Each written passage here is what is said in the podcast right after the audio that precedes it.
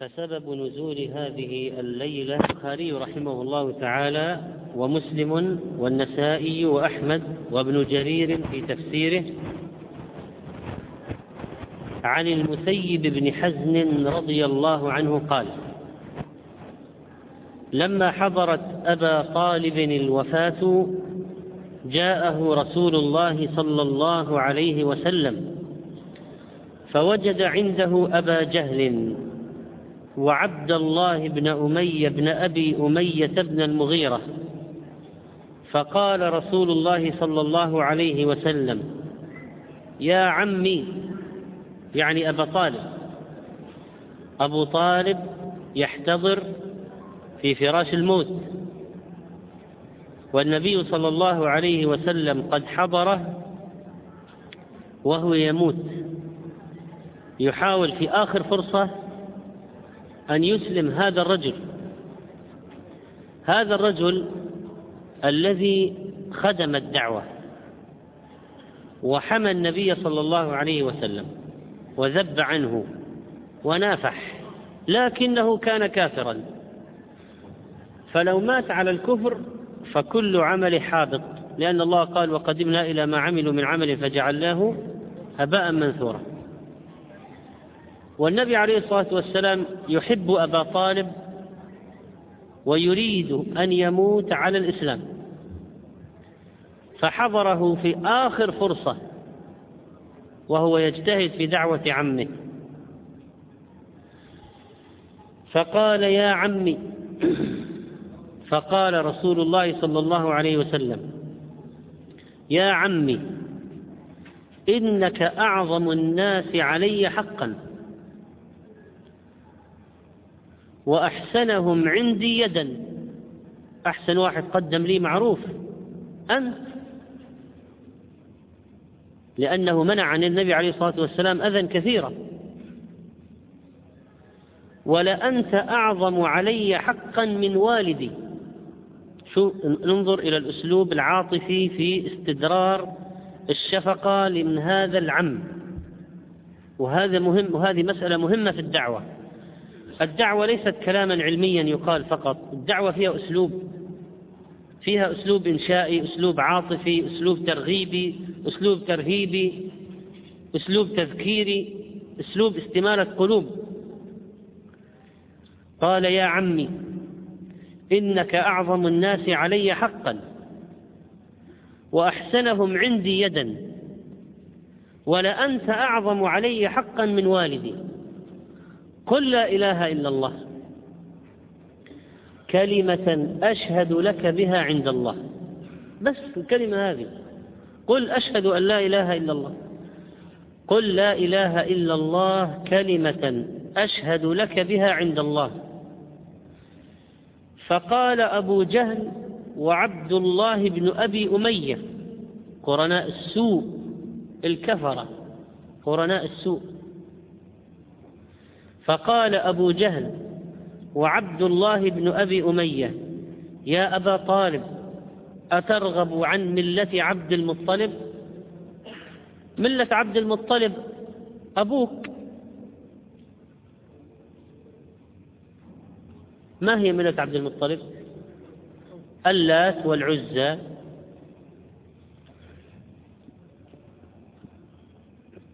عبادة اللات والعزى من دون الله. عبادة هبل من دون الله. يا أبا طالب أترغب عن ملة عبد المطلب؟ فلم يزل رسول الله صلى الله عليه وسلم يعرضها عليه. يعني تكرار تكرار لعرض الدعوة. ما دعا مرة واحدة تكرار. فلم يزل. هذا يدل على التكرار. فلم يزل رسول الله صلى الله عليه وسلم يعرضها عليه ويعيد له تلك المقالة. الرسول عليه الصلاة والسلام. أما هما ويعيدان له تلك المقالة التي قالها له أتموت على غير ملة عبد المطلب؟ أتترك دين أباك؟ أتترك أباك وملته؟ فلم يزل رسول الله صلى الله عليه وسلم يعرضها عليه ويعيدان له تلك المقالة. حتى قال أبو طالب آخر ما كلمهم آخر كلام نطقه في الدنيا قبل خروج الروح حتى قال أبو طالب آخر ما كلمهم هو على ملة عبد المطلب. لم يوفقه الله لأن يوحد في آخر عمره. آخر قرار قبل الموت هو على ملة عبد المطلب. أدركته الحمية لأبيه والعصبية وهذا الباب الذي دخل عليه منه. هذا الباب الذي دخل عليه منه. ولا يريد أن يعير في قومه. وإني لأعلم أن دين محمد من خير أديان البرية دينا. لولا الملامة أو حذار مسبة لوجدتني سمحا بذاك مبينا. هو هو يقول أبو طالب قبل مدة من موته يقول أنا أعلم أن دين محمد خير أديان البرية. لكن ما يمنعني من الإسلام أن يلومني قومي وأن يسبوني وأن يعيروني ويقولون تركت دين أباك دين أبيك تركت دين قريش تركت دين عبد المطلب. لولا الملابة أو حذار مسبة لوجدتني سمحا بذاك مبينا. فقال أبو طالب آخر ما كلمه هو على ملة عبد المطلب. وأبى أن يقول لا إله إلا الله. قال لولا أن تعيرني قريش لأقررت بها عينك. شوف سبحان الله العظيم. يقول لابن أخيه محمد عليه الصلاة والسلام لولا أن تعيرني قريش لأقررت بها عينك. طيب وما لك؟ إذا مت هل ستشعر بتعييرهم؟ فليعيروك. خلاص سيأتي الموت. لكن ما ما كتب الله له الهداية.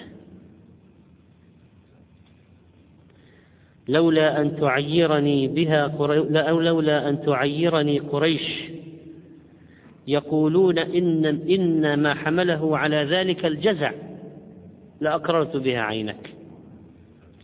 فقال رسول الله صلى الله عليه وسلم أما والله لأستغفرن لك ما لم أنه عنك.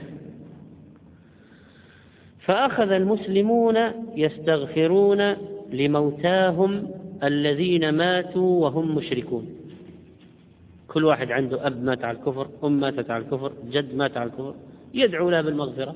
اللهم اغفر له اللهم ارحمه.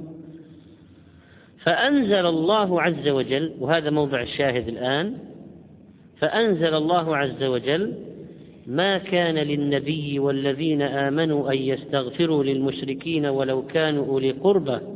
من بعد ما تبين لهم أنهم أصحاب الجحيم. ما كان للنبي والذين آمنوا أن يستغفروا للمشركين ولو كانوا أولي قربى. من بعد ما تبين لهم أنهم أصحاب الجحيم وأنزل الله في أبي طالب آية. قال رسول الله صلى الله عليه وسلم تلاها على المسلمين. إنك لا تهدي من أحببت ولكن الله يهدي من يشاء وهو أعلم بالمهتدين. إنك لا تهدي من أحببت. كم حاول وأصر وإلى آخر لحظة؟ إنك لا تهدي من أحببت. الرجل مات على الكفر. الرجل مات على الكفر. هذه الحادثة نزل فيها أكثر من آية. فهي من أمثلة تعدد النازل والسبب واحد. تعدد النازل والسبب واحد. يعني نزلت أكثر من آية في موضوع واحد. وممكن أيضا تكون الآية مثال على تعدد السبب والنازل واحد يعني العكس. إذا أخذنا بالاعتبار الحديث التالي.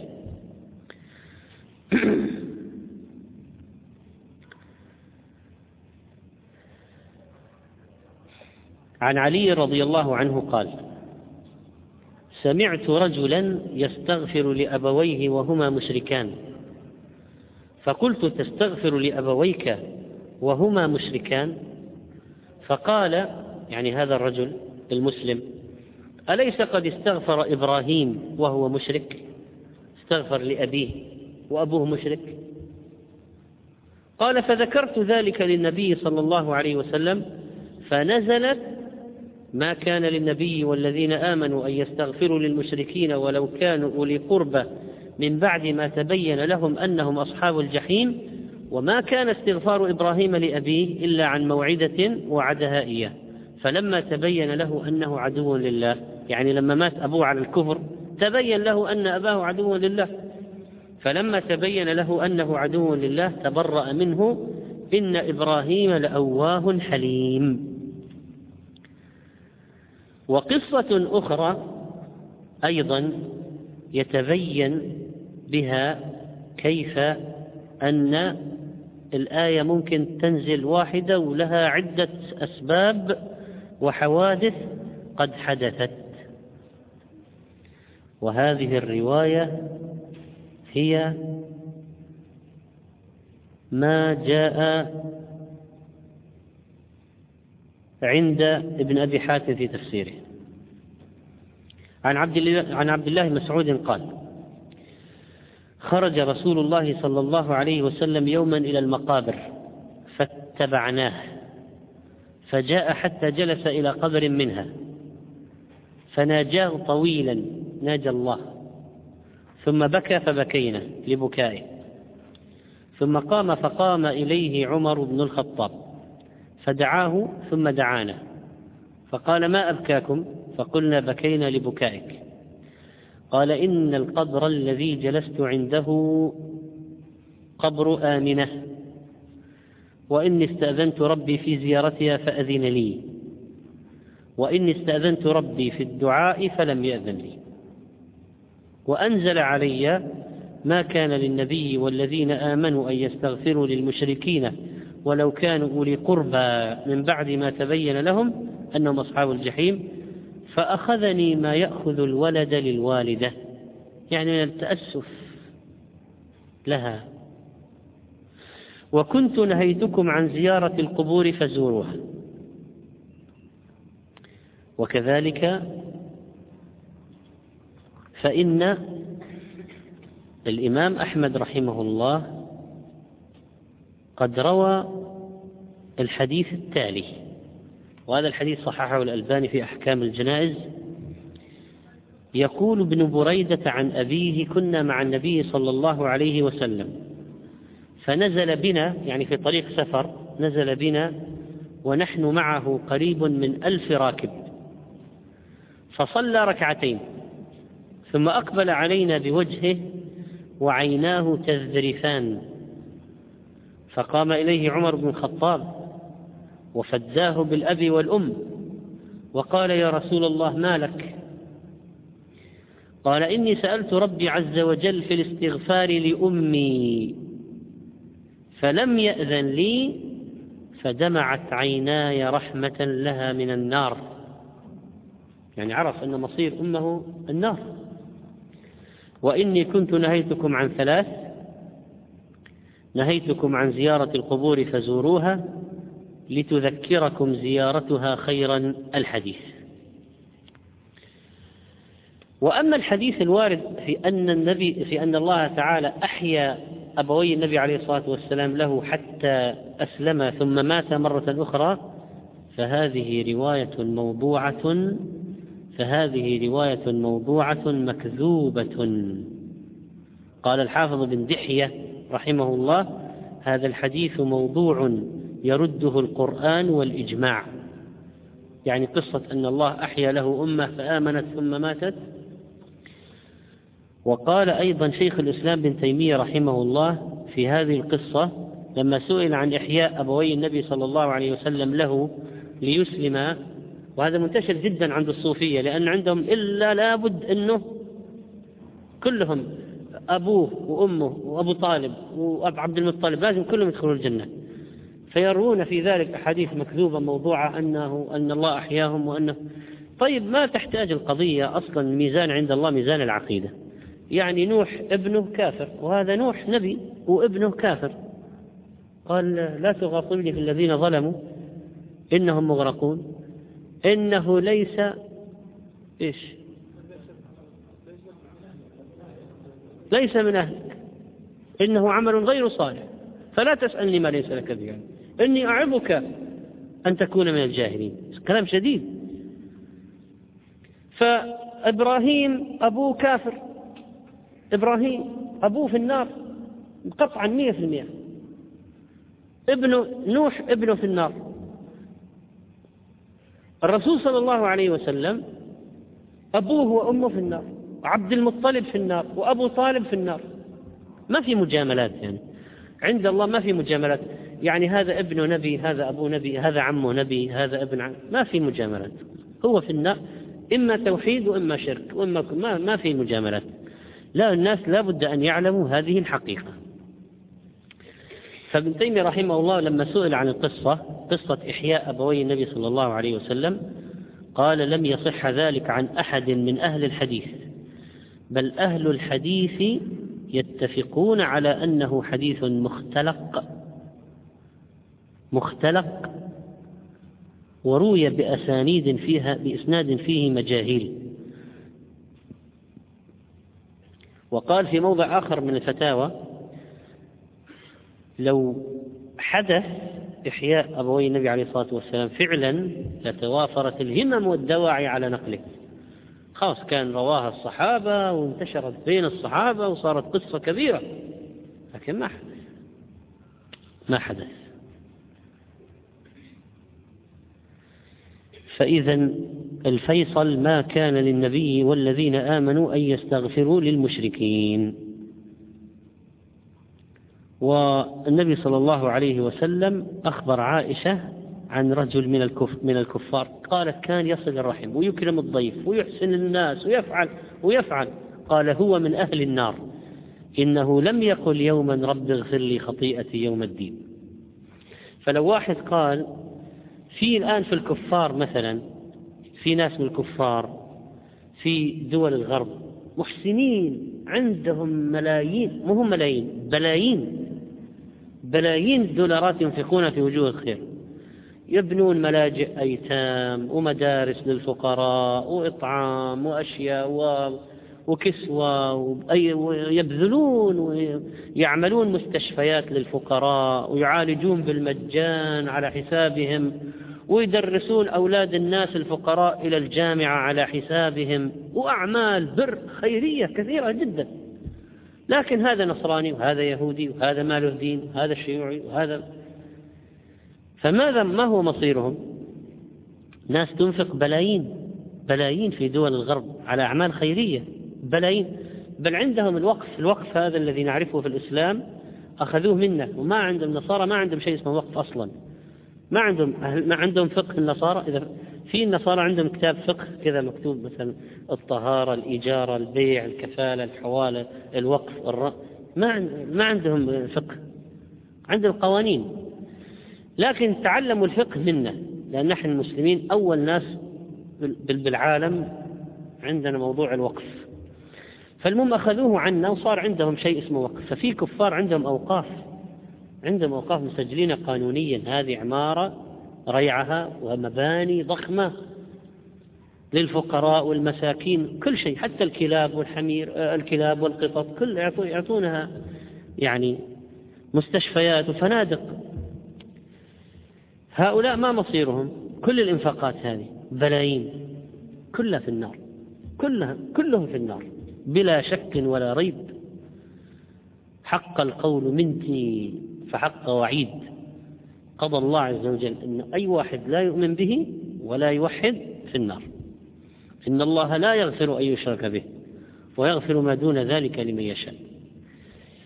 طيب هذه الأموال يعني ما تنفعهم ولا بشيء؟ واحد أنفق بليون دولار في أعمال خيرية يعني ما ينفعه شيء؟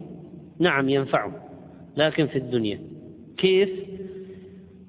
يوصلها الله إليه في الدنيا صحة وأموالا وأولادا وعافية بهجة سرورا يوصلها إليه في الدنيا. ملذات نعيم دنيوي. حتى يأتي ربه يوم القيامة ليس ليس له عند الله حسنة واحدة. يعني الله لا يظلم أحد. الكافر الذي أعطى أشياء خيرية في الدنيا يأتيه. سعة رزق صحة أولاد سعة مسكن يعطيه الله في الدنيا مقابلها إن الله لا يظلم أحد. حتى إذا وافى ربه لم يجد له حسنة واحدة. لقد تبين من الروايات السابقة أن بعض الصحابة كانوا يدعون لأقاربهم الكفار المشركين يدعون لهم بالمغفرة والرحمة حتى نزلت الآية ما كان للنبي والذين آمنوا أن يستغفروا للمشركين ولو كانوا أولي قربى من بعد ما تبين لهم أنهم أصحاب الجحيم. وقال بعض المفسرين وذكر لنا أن نبي الله صلى الله عليه وسلم قال أوحي إلي قال أمرت أن لا أستغفر لمن مات مشركا. فهذا يوافق ما سبق. ويشهد له بالصحة ما جاء في قصة أبي طالب. ثبت عند أبي داود عن علي بن أبي طالب رضي الله عنه قال لما مات أبو طالب قلت يا رسول الله. يعني علي جاء للنبي صلى الله عليه وسلم. قلت يا رسول الله إن عمك الشيخ الضال قد مات إن عمك الشوف علي كم عمره؟ هذا كلام في مكة. كم عمره علي؟ صغير صغير جدا. لكن يفهم يفهم حقيقة التوحيد. علي يفهم حقيقة التوحيد. طبعا هذا أبوه أبو طالب أبوه أبو علي وعم النبي عليه الصلاة والسلام. فجاء علي بن أبي طالب إلى النبي عليه الصلاة والسلام يقول له إن عمك الشيخ الضال. سماه ضال. إن عمك الشيخ الضال قد مات ماذا نفعل أتركه يعني؟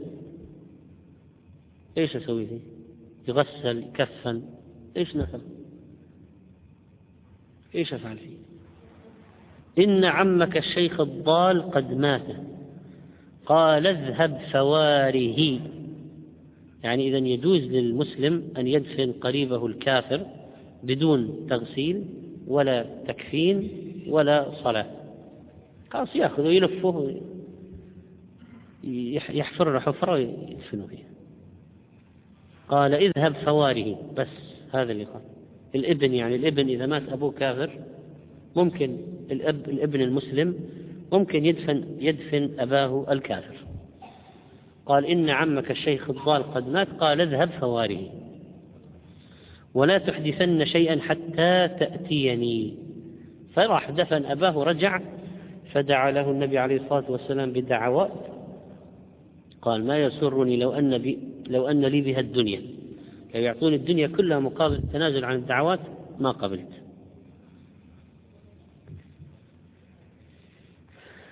وقد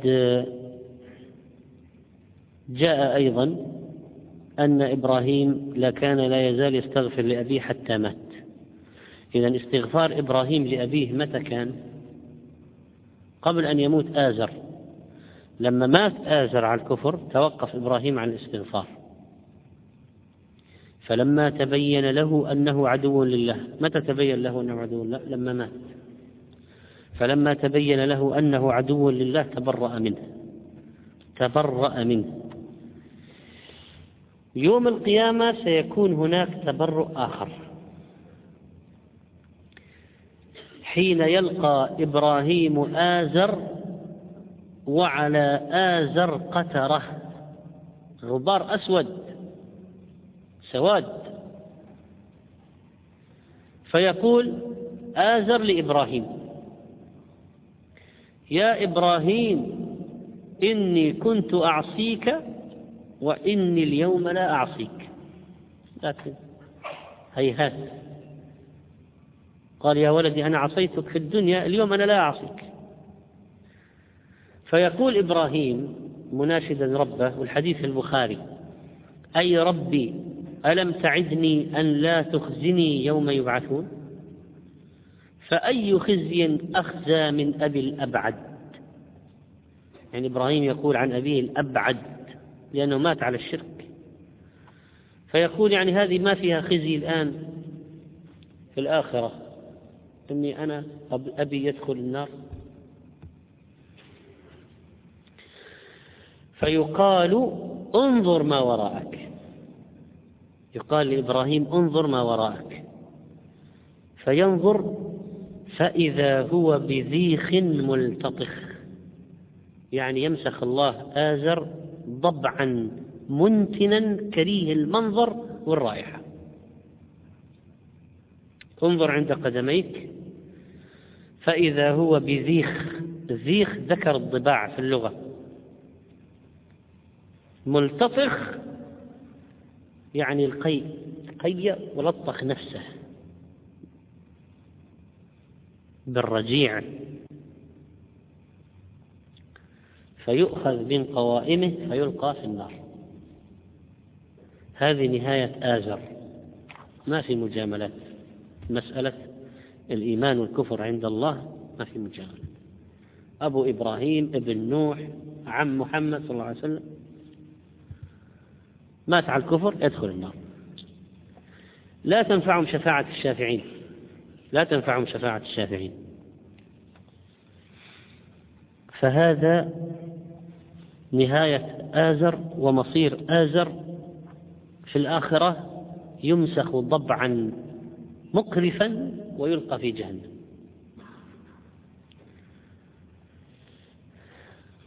إذا ما حكم الاستغفار للمشرك بعد موته؟ لا يجوز. طيب فإن قال قائل ماذا يعني كيف نحكم عليه أو ما ندري مصيره؟ قال القرطبي رحمه الله في تفسير الآية وظاهر حال المرء عند الموت يحكم عليه به. وظاهر حال المرء عند الموت وظاهر حال المرء عند الموت يحكم به. فلو واحد عند الموت كافر قلنا له قل لا إله إلا الله قال لا. قل لا إله الله أبدا. يمكن مات. إيش نحكم عليه؟ بالظاهر الذي رأيناه. خلاص. فإذا قال واحد يعني هذا الذي مات كيف نحكم عليه؟ نقول بالظاهر. نعامله بما ظهر منه. فهذا بالنسبة لما نفعله نحن. طيب ممكن يكون مثلا في يعني قبيل الغرغرة صار شيء نطق ونحن ما سمعناه مثلا. ممكن لكن هذه الله يتولاها. لكن نحن العباد نحكم على ماذا؟ على الظاهر. فإذا الظاهر أننا عرضنا عليه أبى رفض خلاص. لا نغسله لا نكفنه لا نصلي عليه لا ندفن مع المسلمين لا ندعو له بالمغفرة والرحمة.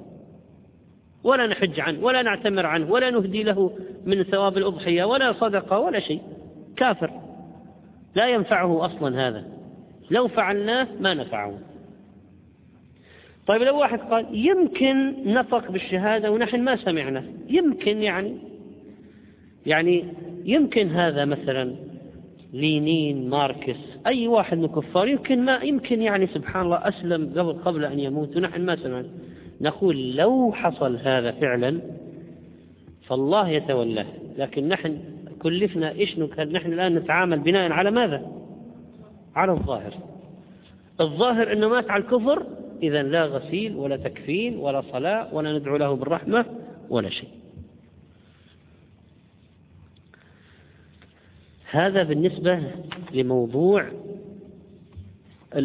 حكم الاستغفار للكفار. وبذلك تعلم أن بعض الناس الجهلة لما يقولون قال فلان مثلا قال شكسبير رحمه الله. في بعض الجهلة المسلمين قال برنارد شو رحمه الله. قال كذا. قال أو كان يقول كان رينيه معوض رحمه الله. النصراني مات كافر. كيف تقول رحمه الله؟ فهذا طبعا من المصائب العظيمة التي وجدت في الأمة الترحم أن بعض الناس من جهلهم يترحمون على الكفار. يترحمون على الكفار.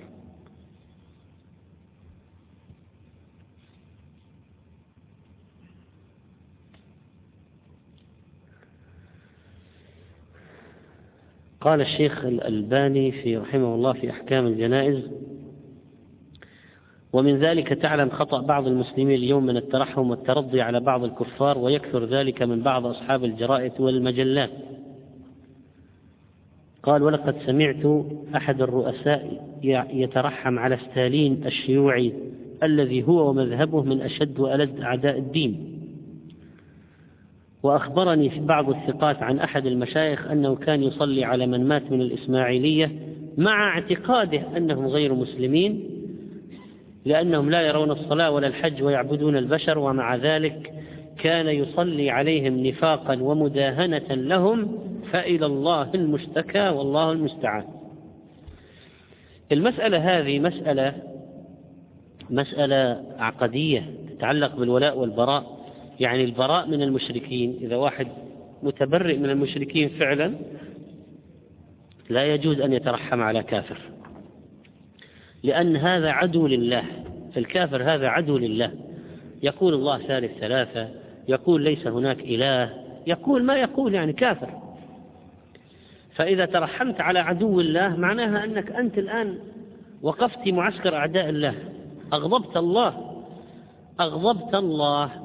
إذا دعوت بالرحمة لكافر فقد أغضبت الله.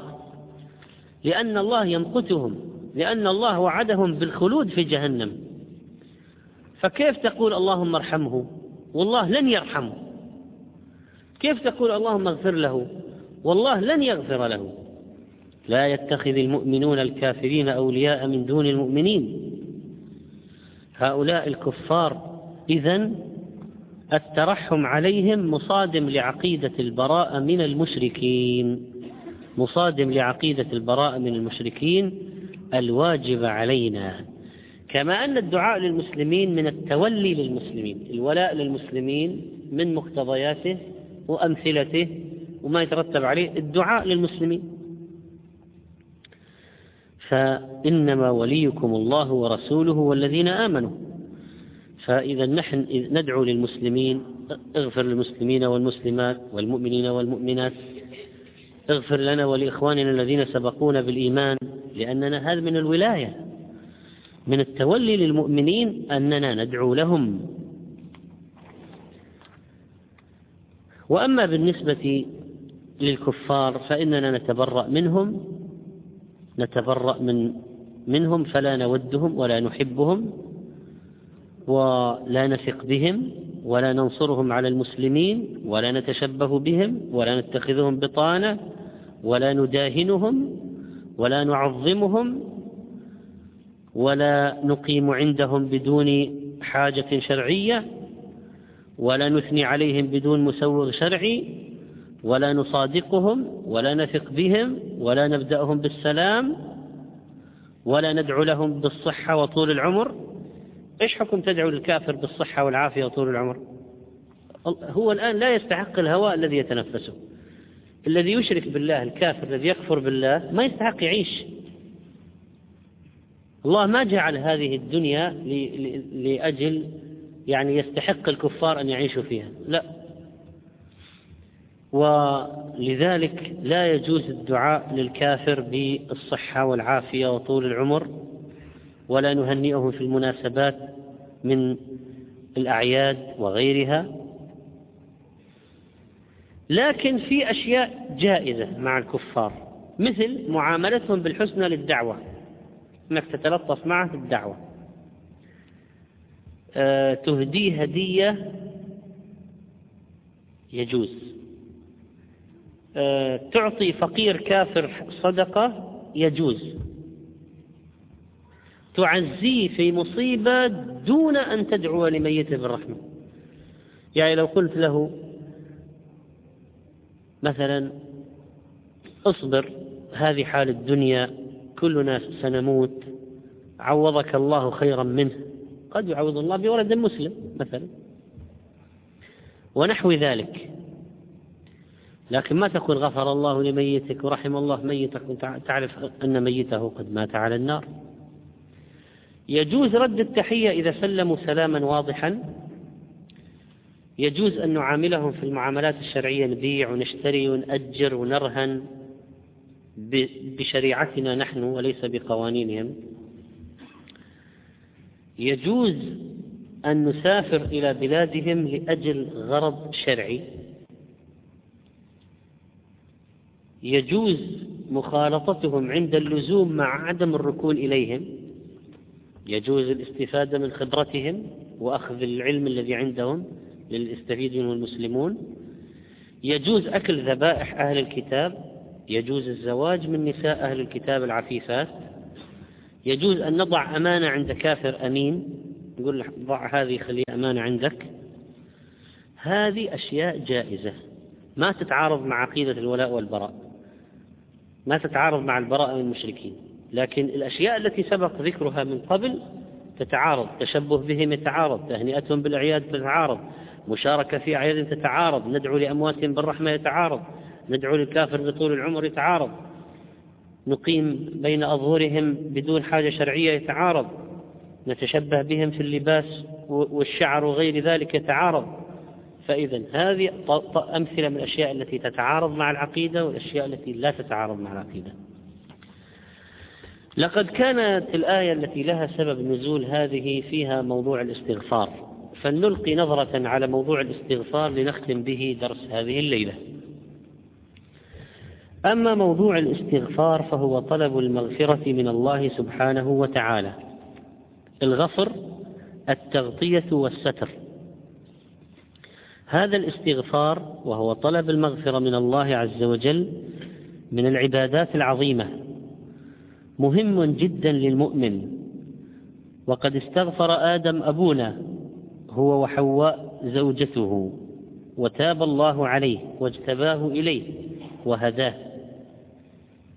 الاستغفار هو الطريق الذي تتنزل به البركات من السماء.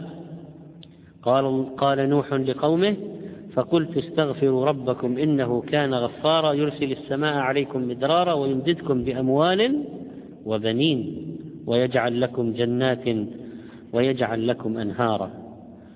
وكان المسلمون إذا ذهبوا للاستسقاء استغفروا وأكثروا من الاستغفار لأنه سبب نزول الأمطار. استغفروا ربكم إنه كان غفارا يرسل السماء عليكم مدرارا. وشكى رجل إلى الحسن الجدوبة جدوبة الأرض قال له استغفر الله. وشكى إليه آخر الفقر فقال له استغفر الله. وقال آخر ادعو الله أن يرزقني ولدا فقال له استغفر الله. وشكى إليه آخر جفاف بستانه فقال له استغفر الله. فقلنا له في ذلك.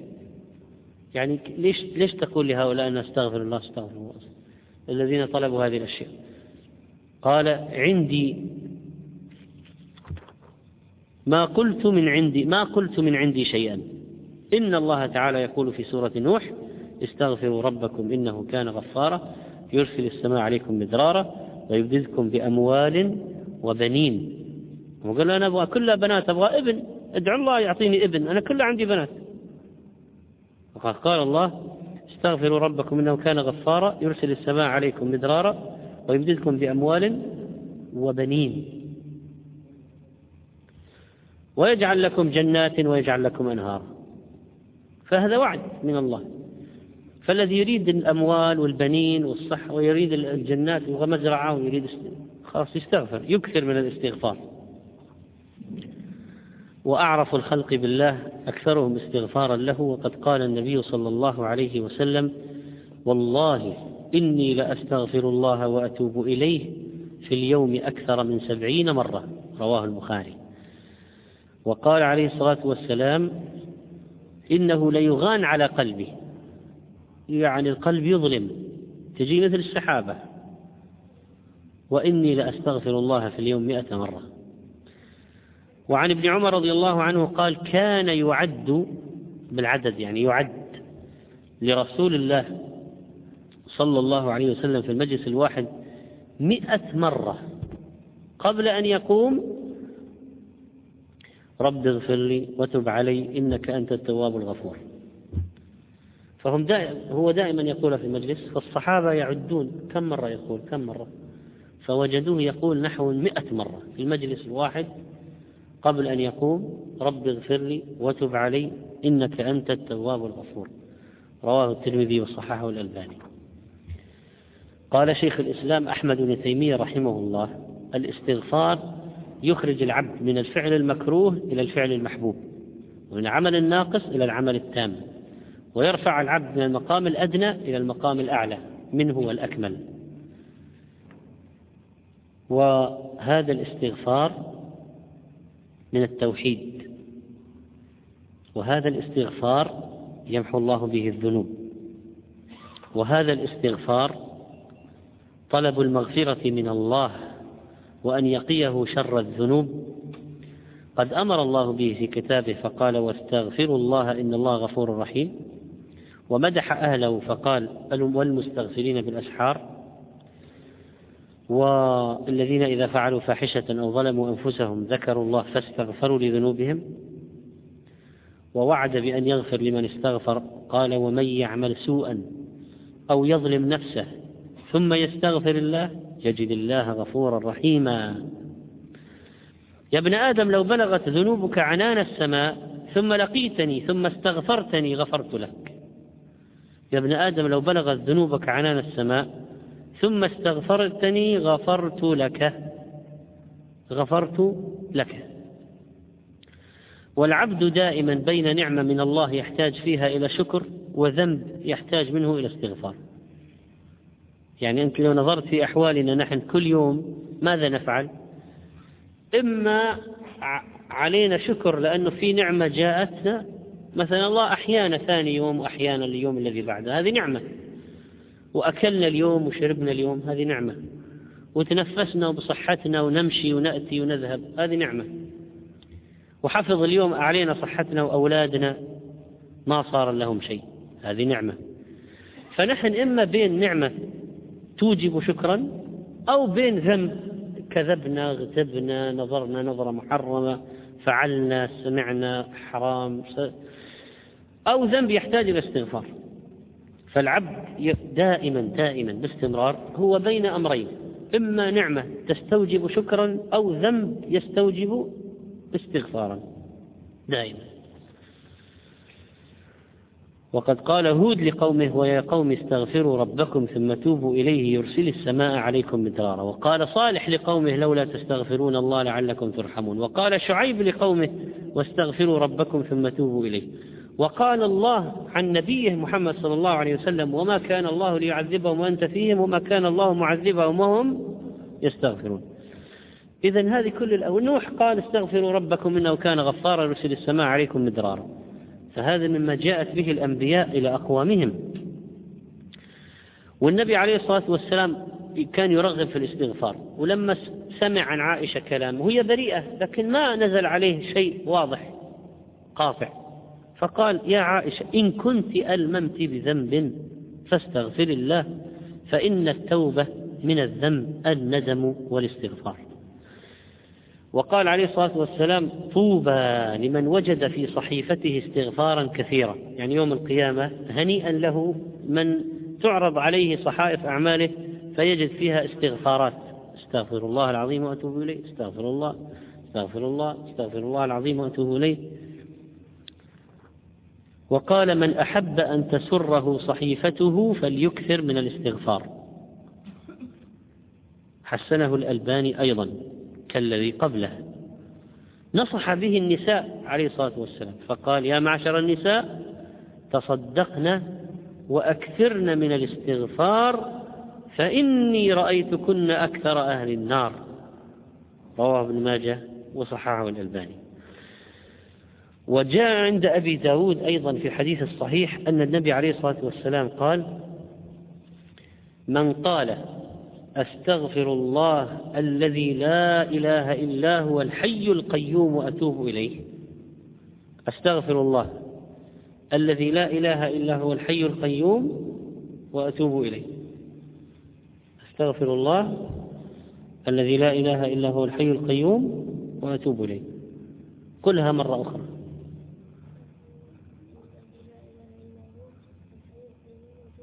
ممتاز قال من قال أستغفر الله الذي لا إله إلا هو الحي القيوم وأتوب إليه غفر له وإن كان قد فر من الزحف. طبعا فرار من الزحف من السبع الموبقات.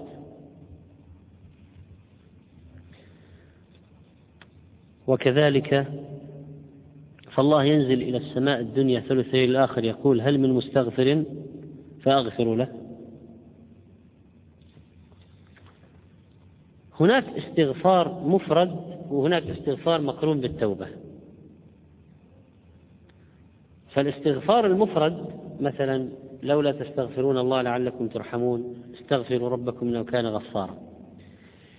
الاستغفار المقرون بالتوبة مثل استغفروا ربكم ثم توبوا إليه يمتعكم متاعا حسنا. فاستغفروه ثم توبوا إليه إن ربي قريب مجيب. واستغفروا ربكم ثم توبوا إليه إن ربي رحيم ودود. هذه قال شعيب التي قبل قال صالح لقومه والتي قبلها قال هود لقومه. فما هو الفرق بين التوبة والاستغفار؟ الاستغفار دعاء أن تطلب من الله أن يغفر الذنب. قد يستجيب وقد لا يستجيب بحسب حال الداعي. أما التوبة إذا تحققت الشروط فلا بد أن يتوب الله. لأن الله عز وجل قد توعد والله لا يخلف الميعاد. وعد والله لا يخلف الميعاد. قال ابن رجب رحمه الله إن قال أستغفر الله وأتوب إليه فله حالتان. إحداهما أن يكون مصرا بقلبه على المعصية فهذا كاذب في قوله وأتوب إليه لأنه غير تائب يعني الآن لو واحد مثلا عنده معصية دائما يعملها فقال أستغفر الله وأتوب إليه وهو ناوي في قلبه أنه بعد قليل أو غدا سيعمل المعصية.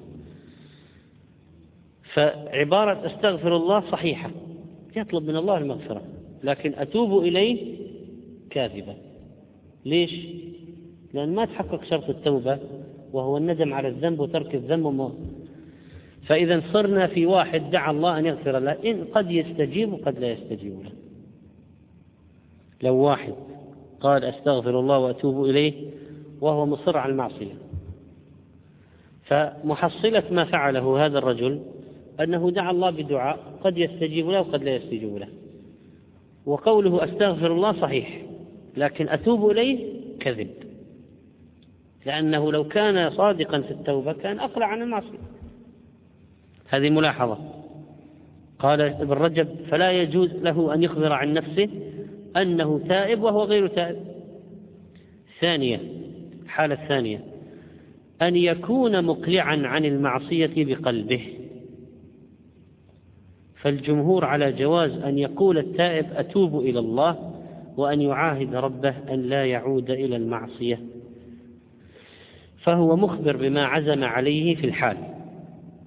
وقوله أستغفر الله معناها أطلب مغفرته فهو كقوله اللهم اغفر لي. اللهم اغفر لي.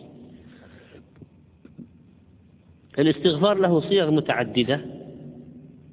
منها سيد الاستغفار. اللهم أنت ربي لا إله إلا أنت خلقتني وأنا عبدك وأنا على عهدك ووعدك ما استطعت. أعوذ بك من شر ما صنعت. أبوء لك بنعمتك علي؟ هذا اعتراف بإيش؟ بالنعمة. وأبوء بذنبي هذا اعتراف بالذنب. فاغفر لي هذا هو الحاصل النتيجة المر...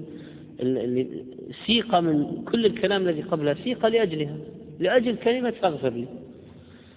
فإنه لا يغفر الذنوب إلا أنت تمجيد لله وثناء عليه. أستغفر الله الذي لا إله إلا هو الحي القيوم وأتوب إليه هذا قلنا قبل قليل هو أنه ينفع ولو تولى من الزحف.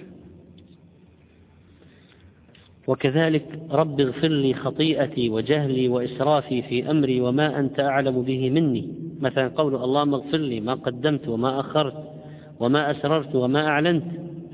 مثلا رب اغفر لي وتب علي إنك أنت التواب الغفور. مثلا اللهم اغفر لي وارحمني وعافني وارزقني. كلها واردة في السنة من صيغ الاستغفار. في استغفار مكروه صيغة الغلط. النبي عليه الصلاة والسلام نهى عنه. ما هو؟ اللهم اغفر لي إن شئت. اللهم اغفر لي إن شئت. لأن الله لا يتعظم شيء. يعني كان واحد يعني ما يتوقع يقول اللهم أنت إن شئت. يعني إذا كان الله عز وجل لا يتعظم شيء. اجزم بالمسألة يقول اللهم اغفر لي. إنك أنت الغفور الرحيم. مثلا. ما هو الاستغفار المحرم؟ واستغفار المشركين.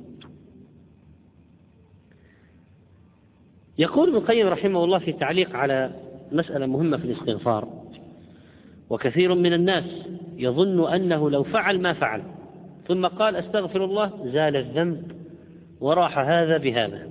يعني راح الذنب بالاستغفار. وقال لي رجل من المنتسبين إلى الفقه أنا أفعل ما أفعل؟ يعني كيف أفعل السبع الموبقات؟ ثم أقول سبحان الله وبحمد مئة مرة وقد غفر ذلك أجمعه لأنه قال من قال سبحان الله وبحمد مئة مرة حطت عنه خطايا وإن كان مثل زبد البحر. وقال لي آخر من أهل مكة ما ندري هو الآن ليش. يقول ابن القيم وقال لي آخر من أهل مكة نحن إذا فعل أحدنا ما فعل أي فواحش زنا أي خمر. اغتسل وطاف بالبيت سبع أشواط وقد محي عنه ذلك.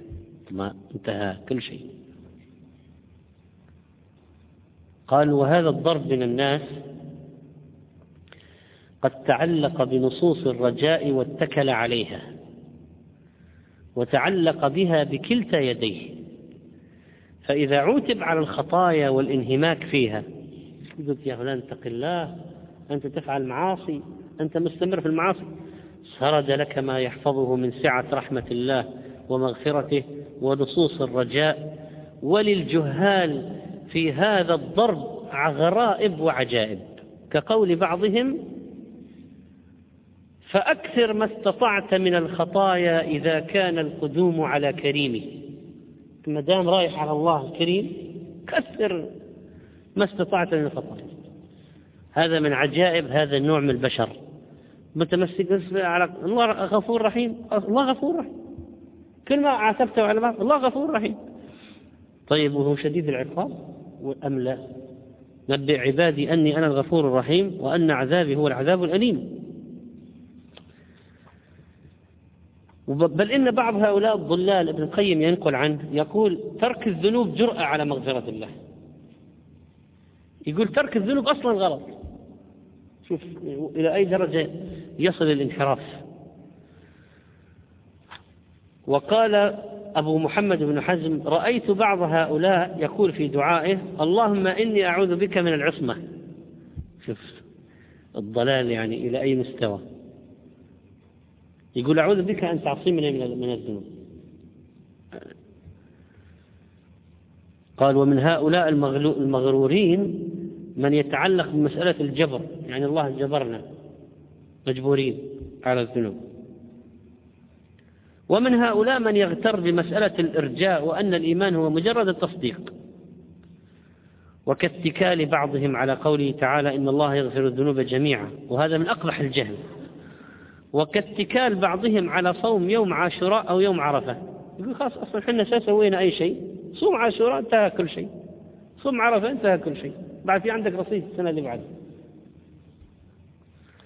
ولم يدري المغتر المغرور أن صوم رمضان والصلوات الخمس أعظم من صيام عرفة وعاشوراء وهي إنما تكفر ما بينهما إذا اجتنبت الكبائر.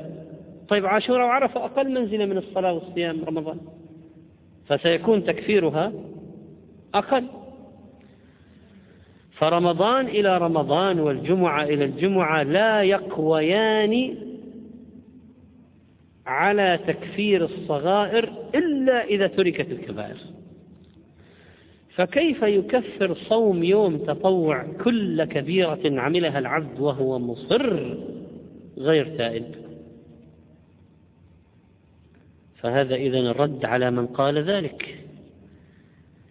يقال إصرارك على المعصية هذه لو كانت صغيرة صارت كبيرة لأن الإصرار على الصغيرة يصيرها كبيرة. هل هناك وقت يستحب فيه الاستغفار أكثر من وقت آخر؟ نعم في أوقات. مثلا الأسحار قبل الفجر مباشرة.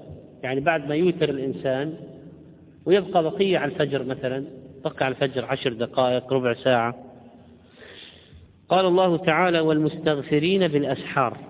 قال العلماء أحيوا الليل بالصلاة فلما كان وقت السحر أمروا بالاستغفار. أحيوا الليل كله فلما كان وقت السحر أمروا بالاستغفار. شوف الفرق بين هؤلاء وبين هذا الذي يفعل ما يفعل. هناك مواضع ورد فيها الاستغفار في الأذكار يعني. عند الخروج من الخلاء ماذا يقول؟ غفرانك بعد الوضوء ماذا يقول؟ سبحانك اللهم وبحمدك أشهد أن لا إله إلا أنت أستغفرك وأتوب إليك. يقوله أيضا في آخر المجلس عند دخول المسجد ماذا يقول؟ رب اغفر لي ذنوبي وافتح لي أبواب رحمتك. وإذا خرج رب اغفر لي وافتح لي أبواب فضلك. بعد الصلاة ماذا يقول؟ أستغفر الله استغفر الله استغفر الله. قبل السلام ماذا يقول؟ علم أبا بكر الصديق اللهم أني ظلمت نفسي ظلما كثيرا ولا يغفر الذنوب إلا أنت فاغفر لي مغفرة من عندك وارحمني إنك أنت الغفور الرحيم. في الركوع سبحانك اللهم وبحمدك اللهم اغفر لي. كان يتأول القرآن.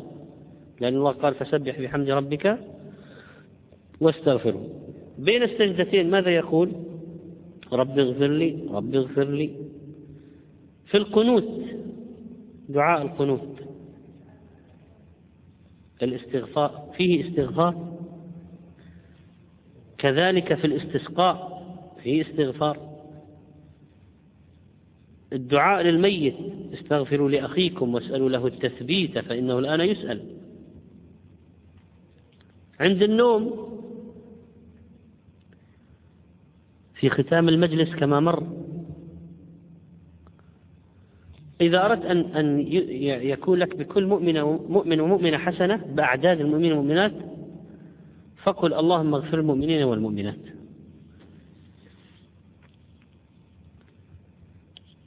إن الاستغفار فيه فوائد متعددة منها غفران جميع الذنوب إذا صدق مع الله. اثنين الدخول على الله من باب الخضوع والخشية. فيورث تواضعا في النفس ثلاثة. الاقتداء بالنبي عليه الصلاة والسلام وهذا فيه أجر. أربعة المحافظة على سلامة القلب. وخمسة سعة الرزق. وستة تفريج الهموم والغموم. وسبعة السرور يوم الدين. هذه بعض المسائل المتعلقة بالاستغفار. ونحن في قول الله تعالى ما كان النبي والذين آمنوا يستغفرون المشركين ولو كانوا اولي قربى وسبب نزول هذه الآية هذا والله تعالى أعلم. صلى الله على نبينا محمد. ما صحة قول سبحان الملك القدوس بعد الوتر؟ صحيح ثبت. وأنه كان يمد بها صوته في الثالثة.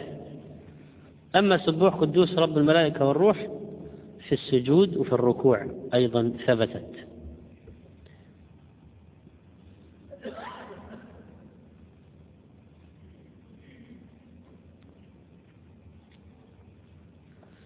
قضية إغلاق العباءة من الأمام أليست في وصف الكتف؟ هذه في الصلاة. في الصلاة إذا أغلقتها ما في إشكال. لكن عند الخروج إلى الرجال يختلف حجاب الصلاة عن حجاب الخروج إلى الرجال ويمكن هذا سبب الإشكال. فهي إذا خرجت هي المرأة في الصلاة تكشف وجهها وكفيها. نعم؟ وتلبس العباءة على الكتف. لكن إذا خرجت للرجال لا يجوز أن تبدي شيئا من جسدها ولا حجم الكتفين فإذا في فرق بين حجاب الصلاة وحجاب اللي عند الأجانب. هل يجوز متابعة القرآن من المسجل؟ نعم ممكن. أفطر عندي أناس وأكلت أنا وإياهم عجينة محشية بلحم الجمل فهل علي أن أخبرهم يتوضوا نعم عليك أن تخبرهم. وإذا نسيت تخبرهم أول ما تتذكر.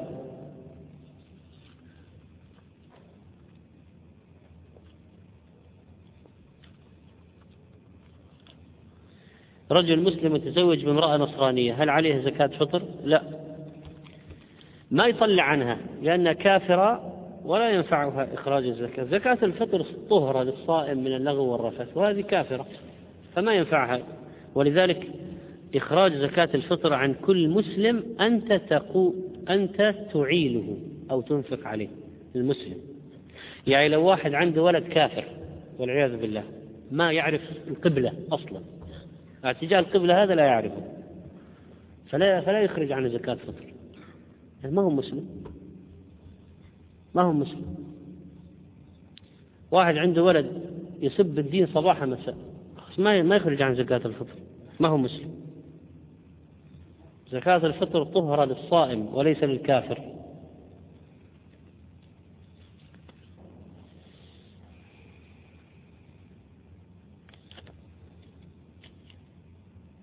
هل الأولى تسديد الدين أو الإنفاق في الصدقات؟ بل تسديد الدين ولا شك. لا تخرج ولا صدقة حتى تسدد ديونك. أما إذا كان أنت مسامح يعني يقول وقت ما تريد ما تبغى تسدد سدد. أنا ما عندي مشكلة. إذا ممكن تتصدق.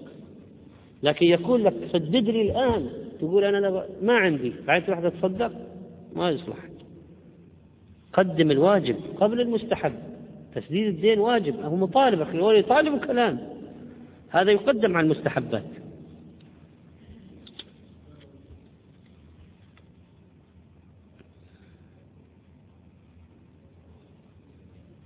ما يقول بعضهم إن اليوم المسلمين لا يجوز لهم أن يجاهدوا بالسيف. كذاب أشر. لأن النبي عليه الصلاة والسلام أخبر أن الجهاد ماض إلى إيش؟ إلى يوم القيامة. إلى يوم القيامة. كله. هل يجوز ترك صلاة القيام لأجل حفظ القرآن؟ يجمع بينهما يجمع بينهما. صلاة القيام ما تأخذ كل الوقت.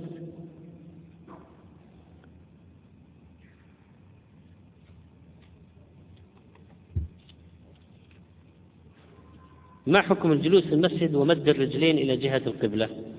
جائز لا بأس به لا حرج. يعني ممكن أحسن أن لا يفعل لكن له لا ما هو حرام. ولا عليه إثم وليس عليه حرج. ذكرت قبل البارحة أدعية تقال بعد التشهد. هل يجوز أن تقال كلها؟ لا مانع. الأدعية لا مانع لأن الدعاء مفتوح في التشهد. الأخير مفتوح. تقول بعد بعد التشهد ما شئت. ما حكم افتراش جزء من الشماغ تحت الوجه للسجود عليه؟ جاء النهي عن السجود على طرف الثوب الذي أنت تلبسه. لكن تضع ثوب أنت لا تلبسه سجادا تسجد عليه لا بأس.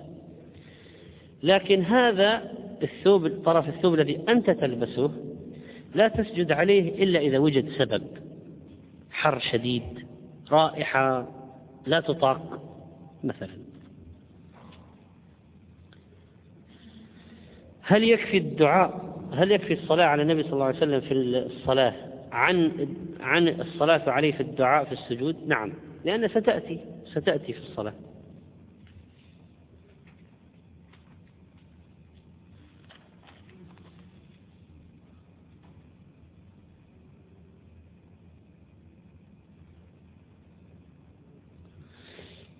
طيب هذا سؤال جاء في الانترنت الآن على على الدرس هذا المنقول في الشبكة. ما حكم القتل الخطأ من الدكتور؟ مثل قتل الخطأ من غير الدكتور. لا فرق. دعس واحد السيارة خطأ أو دكتور أجرى عملية قتل قتل خطأ قطع شيء بالخطأ عمل خطأ طبي ترتب عليه وفاة الميت المريض. فهذا الرجل الطبيب عليه أن يقوم بحق الله عتق رقبة أو كف أو صيام شهرين متتابعين إذا ما استطاع عتق الرقبة. هذا حق الله. حق أهل الميت دية مسلمة إلى أهله. طبعا هذا على اعتبار أن الطبيب تسبب في موت المريض. الطبيب إيش؟ تسبب في موت المريض. لكن لو مريض نقل إلى الإسعاف طوارئ مريض مثلا فيه جلطة سكتة فالطبيب قام بما عليه. كل ما يمكن أن يقوم به تنفس تنفس اصطناعي إسعاف بالكهرباء بالصدمات الكهرباء. فعل ما عليه فلكن ما أفاد ذلك وجاء أمر الله. فهذا الطبيب ما عليه شيء. هذا الطبيب محسن أدى ما عليه. ما في إهمال. أين الإهمال؟ جاءه واحد في الطوارئ استعمل كل الأشياء الممكنة سوى تنفس سوى صدمات كهربائية سوى لكن ما فاد. فهذا الطبيب ما عليه شيء. لكن لما يجري عملية أو يعمل شيء يصف مثلا دواء غلط. إذا من المتسبب في الموت؟ الطبيب. متسبب يعني عمل شيء تسبب في موت المريض. طبعا إذا تعمد هذا يقتل قصاص لكن بالخطأ وصف دواء بالخطأ أجرى عملية بالخطأ خلاص يصير عليه كفارة قتل الخطأ. هل تقبل اليد أو العصا عند استلام الحجر الأسود؟ نعم. نعم تقبل لأنه ثبت في الحديث أنه كان يستلمه بالمحجن ثم يقبل المحجن. العصا. فما دام أنه قد ثبت فإنه يفعل. نكتفي بهذا القدر والله تعالى أعلم وصلى الله على نبينا محمد.